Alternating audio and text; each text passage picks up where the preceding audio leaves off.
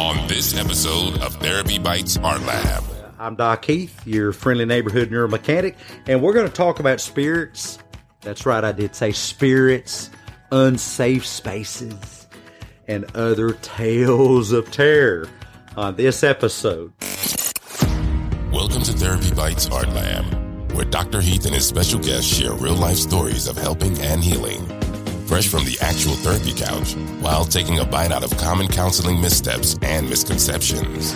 And now, here's Heath and the T Ball team. And welcome, guys, to this is podcast number five, Therapy Bites Art Lab. That stands for Accurate Realistic Thinking and Life Affirming Beliefs. And we're on a mission to bring you stories fresh from the top of the therapy couch and sometimes the darker recesses beneath. And speaking of the darker recesses beneath, with spooky season, we're making some Halloween themed episodes because we think it's fun. It's a fun season. Don't take it too seriously. Uh, but we do take seriously some of the therapy, uh, uh, uh psychotherapy horror stories that we hear from patients. And today we're going to talk about the common meme, uh, myth perception. I did say myth as in mythology, myth perception that uh, the word safety is getting.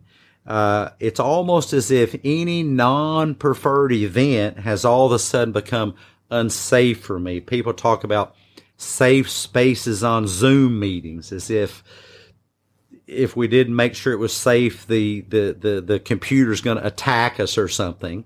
And we want to dispel some of those myths because we think that those are very, very sabotaging ways to work, uh, uh, ways to think, ways to operate, ways to live, ways to sculpture reality and your perceptions. And today, uh, again, we have our brave psychotherapy adventuring crew with us. Sarah, the bookworm, hey. Heather, the gamer girl who paused her game to be with us to talk about these spirits of unsafe spaces, and Debbie, who dares to, you know, get into the deep of psychotherapy every day and address things like major depression and different personality disorders and different levels of psychopathy with patients uh, from A to Z. Okay uh, spirits, unsafe spaces, and other tales of terror. Uh, we're going to talk a little bit about some cognitive distortions, uh, one of which is catastrophizing. Mm-hmm. Let's see, big five dollar word, as my dad would say, catastrophizing. Say that five times real fast. And uh, avoidance, but also learned behavior. Uh, how do you guys think that this relates to uh, the, the safety that, of course, every human being needs. That's kind of on Maslow's hierarchy, isn't it? Safety, isn't that one of mm-hmm. Maslow's? Uh, that's on level number one, right? Mm-hmm. One. Yep. Yeah. Absolutely. It's true. and I think I think the learned behaviors come from people um, practicing, you know, unhealthy thinking. In other words, there's a lot out there about safe spaces. As far as you know, a big one is that I've seen with PTSD, you know, everybody out there has to uh, tiptoe around me and not trigger me. You know, I won't be safe unless somebody doesn't trigger me.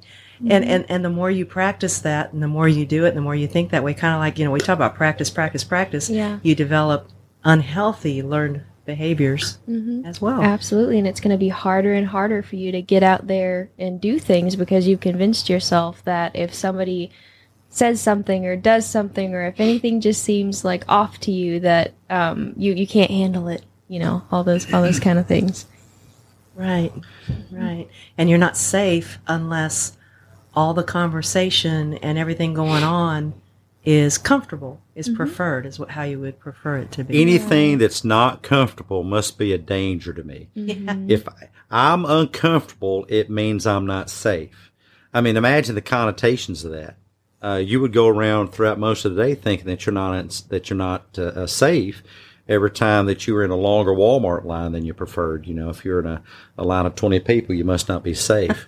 yeah. Well, and, and a lot of the healthiest things you can do and important things you need to do are not comfortable. A lot of your best decisions are not comfortable. I'll just take it from a standpoint of a parent. Disciplining your kids is not pleasant and comfortable. No. It's not, but it's the right thing to do. Right. Doesn't well, mean it's not safe. and if, if we look about the way that you know you overcome PTSD, it's by exposure. absolutely, You know, you have to be able to go out there in, in an uncomfortable place and, and do uncomfortable things in order to overcome what has happened. change doesn't happen in a comfortable. No. You know, do you want comfort or change? Right. Can't have both. You know what you're the- talking about is ERP, uh, right. Echo Romeo. Uh, uh, what, what's what's the phonetic alphabet for P? remember. Paco? No, it's not. But Alcohol, Ah, we need where's our military Hey. guy when we need it? peanut butter.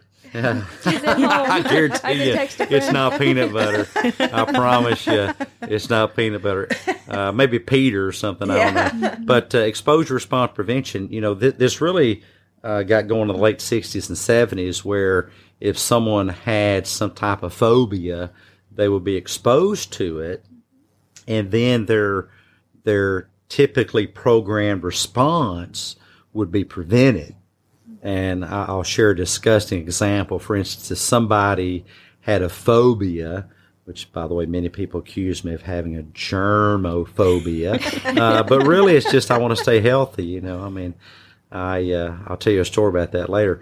But if I know I'm safe, I'm okay with germs. If I think I'm going to get sick, I kind of uh, take precautions. But we would take someone to a public restroom who had a germophobia, and we would have them. And of course, this is this is pretty far along in therapy after we've done a lot of practice sessions and a lot of guided imagery, and and we would have them find a a, a stall where there was product in the toilet, and roll up their sleeve, put their hands in there, grab the product, and wash their hands with it, and then count to I don't know ninety or hundred, and then they could thoroughly wash their hands. Exposure response prevention. If you want to deprogram some type of difficulty that you're going through, you're, you're going to have to expose yourself to it. And that's never more true than with PTSD. Uh, as a matter of fact, one of the Cadillac treatments is PE, prolonged exposure. And that's tough. I mean, I, I have uh, uh, servicemen and women ask me, and I, I don't I don't fib to them. I say, hey, this is terrible marketing, but both CPT and PE are both really, really challenging therapies to do, but they're highly successful. They're highly, they're highly successful.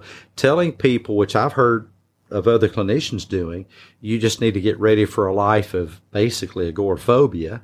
You know, if mm-hmm. this place, if you're scared to go to this place, uh, then stay home, stay away from it, avoid this, avoid that. And, and the mantra in those that know how to treat PTSD is it is avoidance that keeps PTSD going. Mm-hmm. One of the biggest things I mm-hmm. learned at the VA is avoidance keeps PTSD going. Now, you can build up to it. I'm not talking about throwing you into the deep end of the, of the pool.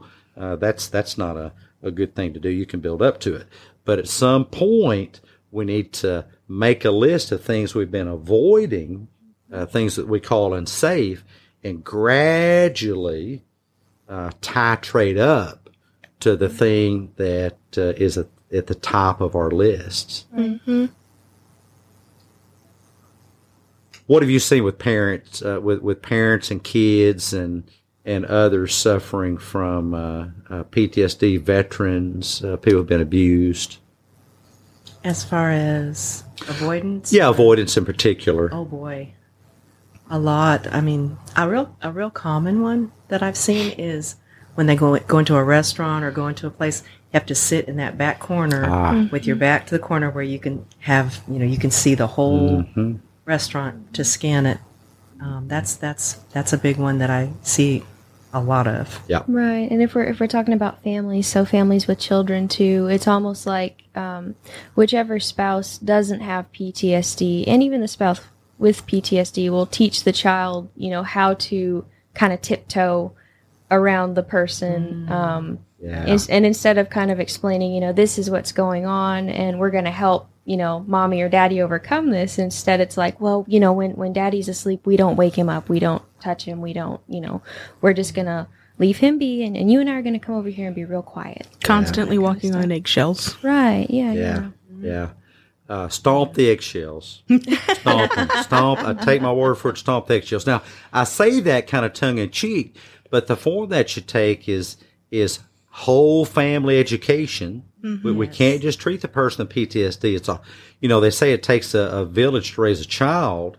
Mm-hmm. It takes a whole family to to heal PTSD. And and what is PTSD? PTSD is a normal response to an abnormal situation, mm-hmm. uh, but it gets programmed at a very deep level, and it becomes very very persistent.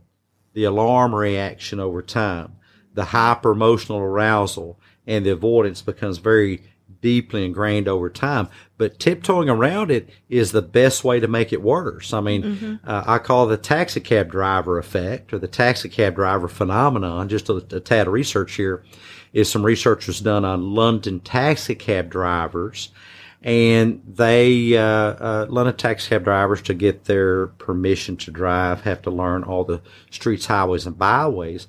And the imaging studies of their cortices, their neocortex, the outer coating of the brain, show that their mapping software, mapping software, was I don't I, I forget the number. I think two hundred and seventy something percent more prolific uh, than mine or yours would be. That that we we're not taxi cab drivers, and the same effect happens with avoidance the more you avoid, the more you train your brain to avoid, and you're actually making PTSD worse.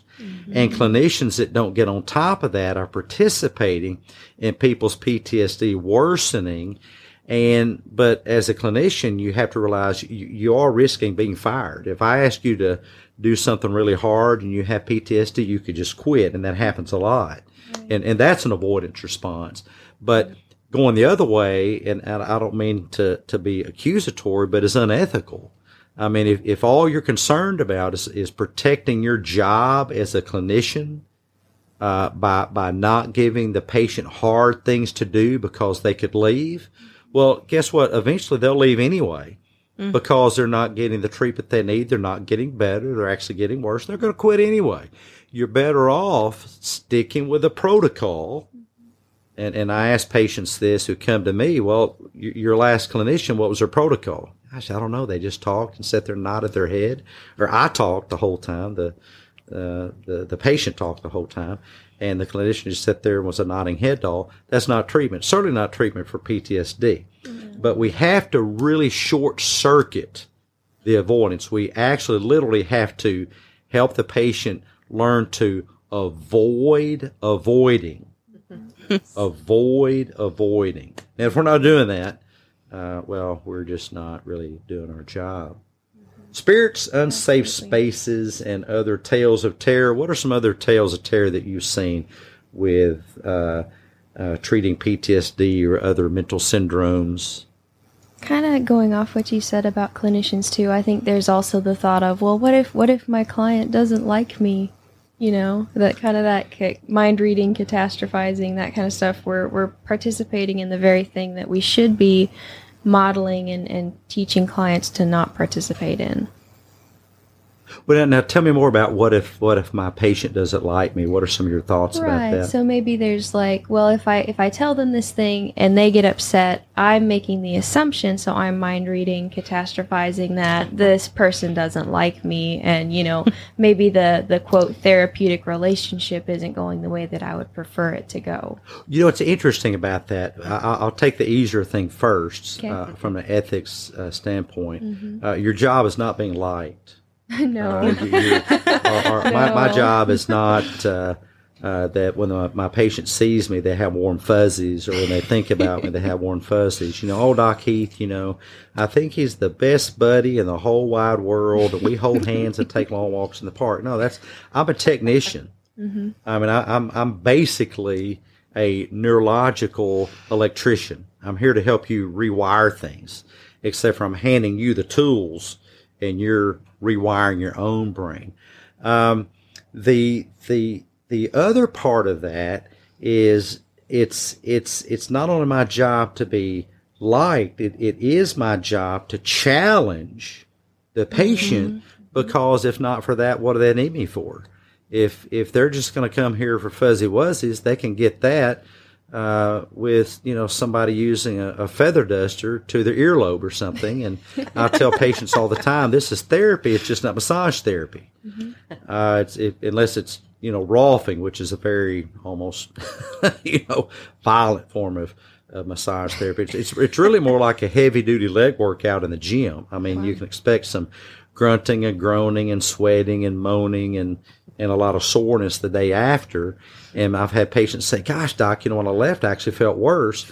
Well, if if if the point of therapy was about feeling good, uh, then you've come to the wrong place. But that is not the point of therapy. I mean, people uh, uh, uh think often that it is. But uh, one of the stories that I share is of a, a physician that told me a patient came in uh, with abdominal pain uh, to the ER, and they finally examined them and found a series of incisions on their abdomen um, where there had been laparoscopic surgery, and uh, I think it wound up being some type of, of course, uh, maybe a gallbladder removal or something.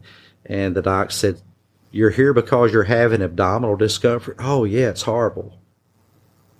Did did no one tell you that after abdominal surgery, there will be post surgical discomfort. well, that's kind of therapy. You know, that's how therapy works is you can plan on discomfort. Mm-hmm. And if the mm-hmm. therapy that you're getting is comfortable, uh, it's, it's like a guy I saw in the gym one time. He was on a cell phone on the leg press playing Angry Birds. I mean, if you can play Angry Birds on the freaking leg press, you need to put more weight on the leg press because you're not getting anything out of it. Spirits, Unsafe Spaces, and Other Tales of Terror. Uh, this is Therapy Bites Art Lab, and we're glad that you're here today. And uh, we've talked about catastrophizing. What about learned behavior? How does some of this become learned behavior? You're listening to Therapy Bites Art Lab, bite sized therapy for your brain with Dr. Heath and the T Ball team. The best advice on the net. No copay required. We talked about the London taxi cab driver. Yeah. I mean, mm-hmm. the the more you do something, yes. and that is anything, mm-hmm. the more your brain will wire you up to do that. Mm-hmm. Right, exactly. So the the very thing that you are trying to avoid, which may be you know uncomfortable emotions or or thoughts that your memories think that you'd rather not remember, you know, the less likely you are going to be able to you know cope with that in a healthy way because you've pushed it away so hard. It's not going away. It doesn't just go away like that.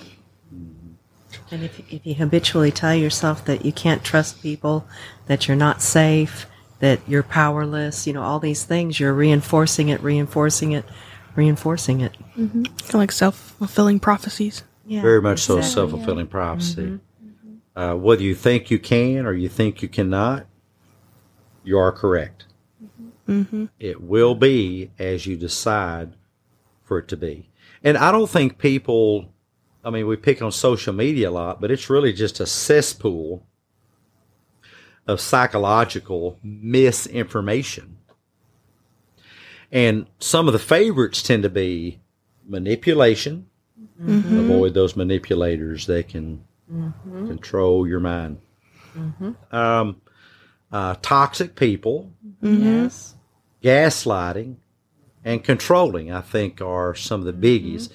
But the whole toxicity thing has just really uh, you know, the term is semantic creep. It's it's, it's creeping where it, it's just consuming everything. You know, we uh, I first heard about toxic people, toxic relationships, uh, and now there's evidently toxic uh, love and uh, toxic happiness. Wow. There was another interesting one. What other toxicities have you heard of? I mean, we're going to have to get the EPA, the Environmental Protection Agency, involved and start wow. rounding up these people. Mm-hmm. Wow. I, I, don't know that I've heard another one specifically toxic, but something that I've seen a lot recently and, and just in past years too is if it doesn't bring you joy, get rid of it. Oh, yes. wow. That's that's a yeah. pretty wow. kind of like that good vibe. So much for lawn work.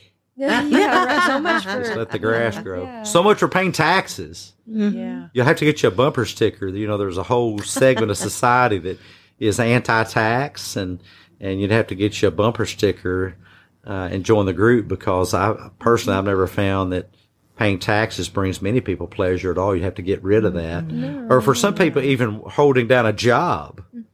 Right. Or a Imagine relationship. unemployment. Or Relationships. Yeah. Every Yeah. time a relationship gets hard to get rid of it. Mm-hmm. That's true.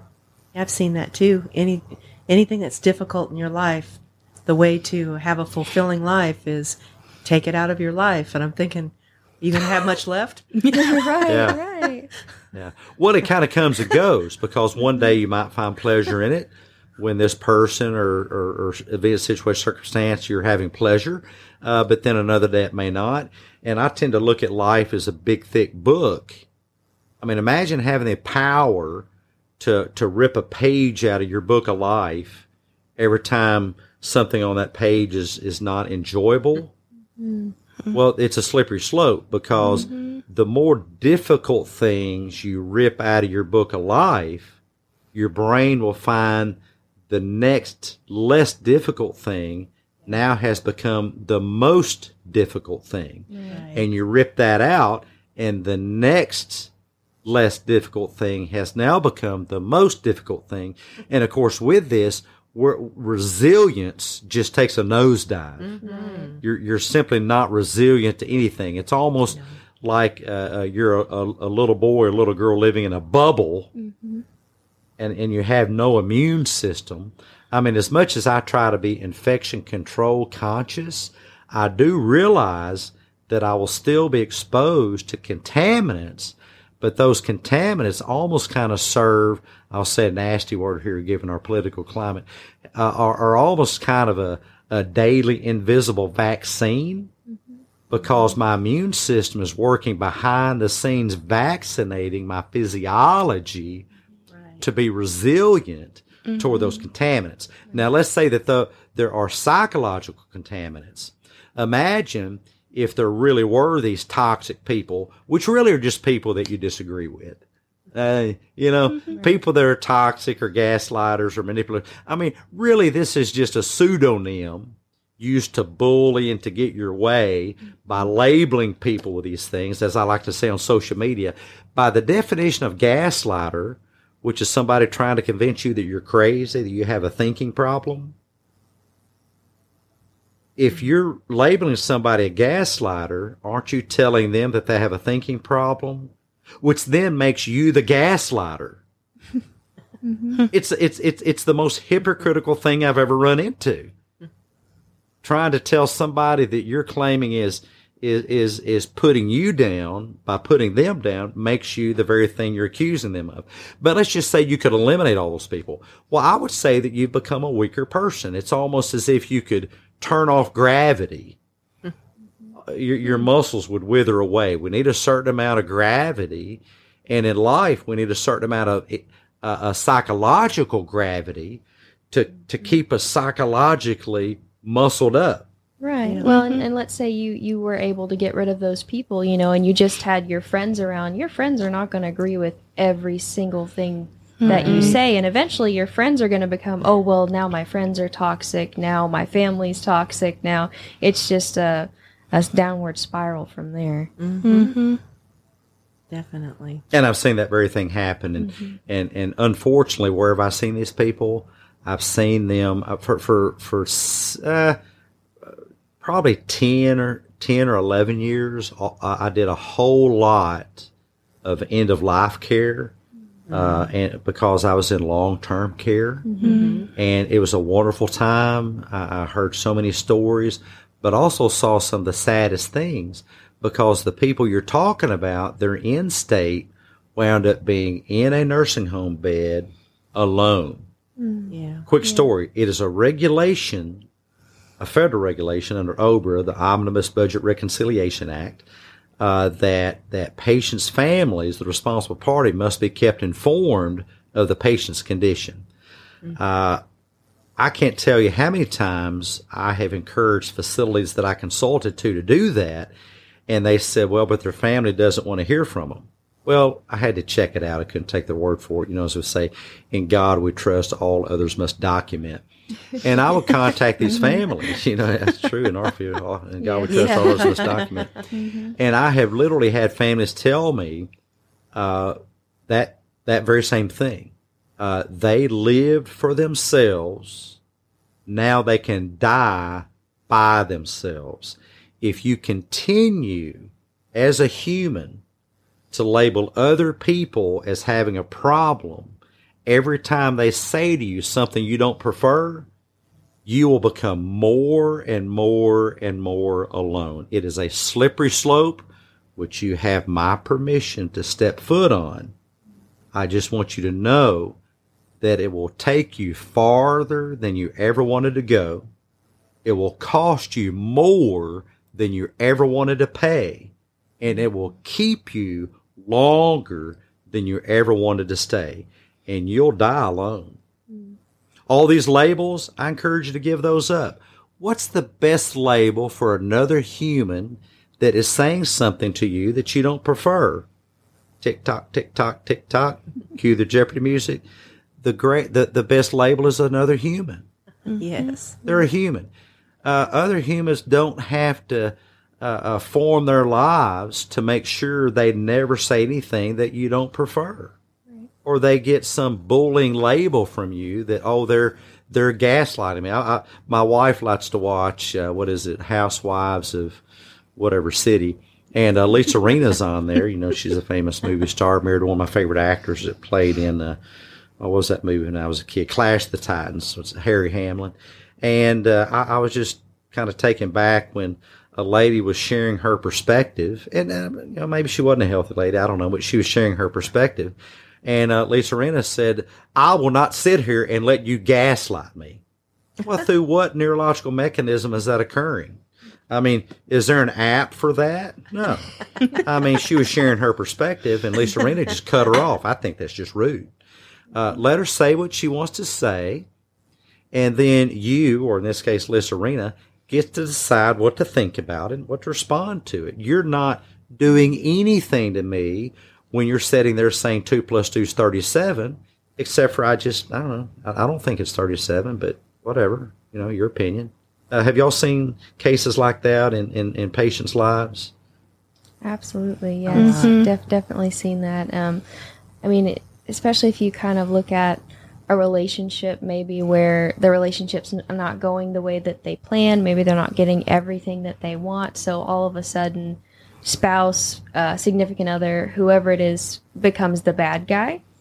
Because obviously, we don't ever want to see ourselves as whatever the bad guy, but you know, we're in any relationship you know both parties are going to make mistakes and that's that's pretty normal now i'm not talking about like a an actual um, you know domestic violence situation. That's that's very different than this. But you know if if we're just not getting everything that we want in a relationship and we decide to go down that slippery slope of well you know they just don't love me anymore or they're just trying to get what they want or you know that kind of stuff it it's it's a dangerous place to take yourself because you will start viewing that person in a different light you create a disgust response toward that person. Right. And there are no relationships so full of fairy dust that they will never disagree with you. They will never mm-hmm. say something that you don't prefer. Let's go round robin here before we close out the episode today. And what, what might be a good cognitive restructuring? What might be a good, a good psychological strategy for somebody that used to farm out their locus of control? We talked about that the last episode on, on thinking that, uh, I'm not safe because something here is going on that I don't prefer? What what might be a good way to think about that that our, our viewers and listeners can take away and, and actually deploy this very week? Right, absolutely. And, and this one is one that I say a lot, but it's an opportunity for growth. You might learn something that you didn't know before. You know, just because somebody's saying something you disagree with doesn't mean you're 100% going to disagree with everything that they have to say. But how are you going to know if you don't listen to them? Mm-hmm. Exactly. It's an opportunity for practice. Mm-hmm. Mm-hmm. Right. It is. Because, like we've said, we're all human And so we all have our own flaws, our own mistakes that we make, and our own topics that maybe are sensitive and uncomfortable, you know, but that doesn't mean that we can't get along on some things and we can't just hear each other out. And, and I and I think that I love that. I love that. I think that we should be willing to give the grace and space to hear somebody out. Uh, people shout about it's all over social media, feeling seen and heard. Now that's not a feeling. There's no feeling that tells you that you're being seen. That would take an eye exam uh, of the other person. There's no feeling that tells you've been heard. That take an ear exam of the other person. Uh, that's a belief. But if you want that, then give that to other people. Stop cutting them off with these perverse labels of gaslighting, manipulating, controlling, uh, uh, toxicity just because they're saying something that you don't like. Uh, last I checked, we live in a country where freedom of speech was highly valued, but it's gotten to be that the only free speech that's really free is speech that you prefer hearing. Now imagine maybe that's okay today, but tomorrow, if the tide changes, maybe somebody else is in charge of deciding whether you should have free speech. And um, two things, two things that I will tell people is when you when you talk to someone or when this is happening, listen to understand, not to respond. Mm-hmm. Number one, mm-hmm. and number two, don't approach the situation with curiosity mm-hmm. and and approach it as an opportunity, not with judgment. In other words, it's good or bad. That's right. Right, Find it. I love the curiosity thing. Choose to find it curious and interesting. And I hear people say to me in these social media debates, interesting things all the time. I had a, a person reach out to me. Here's my social media debate of the day. Reached I, I made a post. I th- it's usually on, they're repetitive. It's usually on toxicity or gaslighting. That seems to be the favorite of these people trying to sell apps on social media because they don't understand psychology, but they want to sell an app about it. Go figure. And uh, this person reached out and said, I hope you're okay. You use so many capital letters. And I said, well, I, I guess I didn't know there's a diagnostic threshold for using capital letters. I mean, what would you recommend? Would you say that, that, that, that two letters is okay and three letters is above the threshold and you're now mentally ill since you use three capital letters? I told her, I said, you use two capital letters, O and K. Uh, I mean, does that mean you're below the threshold? uh, or is any use capital letters above the threshold and you're mentally ill in some way? Uh, but but she was saying that uh, I was uh, harassing her by responding to her, and I pointed out number one, this is a social media platform that is a public platform. Okay, number one. Uh, number two, you engaged me. I didn't engage you. And number three, stop freaking whining and complaining about it because someone disagrees with your opinion. Uh, we can respond to that with curiosity and with uh, care and yes, with respect. And you know, I was saying that to her with love in my heart and I meant it because I wanted to wake up this person that the best way to honor and respect people is to honor and respect their right to free speech, even if they say something you disagree with. If you disagree with me, please tell me. It's just information. It's information I would not have had if you would not have spoken it. If you think I'm a doo doo head, please let me know. Do it in a nice way. Um, I, I can take it. I can take it. It is simply air set in motion. Thanks Well- for. oh, I'm sorry. Go ahead. Oh, I was gonna say, and two, like if you keep telling yourself that you're not in a safe space, that's just igniting the amygdala and keeping you amped up into, you know, where it's in that fight or flight mode. That's right. Just like an air horn going off. I mean, if you want to program your brain to believe that capital letters are a threat to you, then every time you see capital letters, you're going to ignite your amygdala. Or if somebody's saying, hey, give me a freaking peanut butter sandwich. If you're going to label that as manipulation, then you're going to light up your amygdala. If you're going to view somebody disagreeing with you as toxic, you better get ready. There's a whole lot of people coming your way, and I think the universe will provide it uh, to maybe teach you a lesson because people's differing opinions are not toxic. It's just information. We can view it as just information. Okay, join us next time uh, for episode number six. We're doing some spooky psychological syndromes, and uh, we'll be back with episode six next week. Thank you for coming. Share it with your friends and family. We'll catch you next time. Bye, guys. See you soon. Hey, T-Ballers. Thanks so much for being with us today. If we brought value to your day, show us some love by leaving your positive feedback and inviting some friends to listen in and join the T-Ball team. Next time on Therapy Bites Art Lab. Stress is scary because it can kill you quicker than a flesh-eating zombie, right? It can cause heart attacks and and, and, and, and just shrink your brain and cause your heart to explode. Well, not so much. And on this episode of Therapy Bites, we're going to dispel some myths about scary stress, spooky stress, and set you straight when it comes to all things psychology related to stress. Join us coming up.